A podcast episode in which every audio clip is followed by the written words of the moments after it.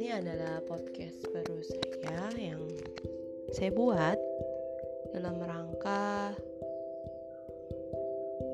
membagikan ya terkait dengan perkuliahan di UMP karena ini jarak jauh pembelajaran jarak jauh semoga podcast ini bisa membantu mahasiswa bisa didengarkan oleh mahasiswa di mana saja mereka berada. Terima kasih.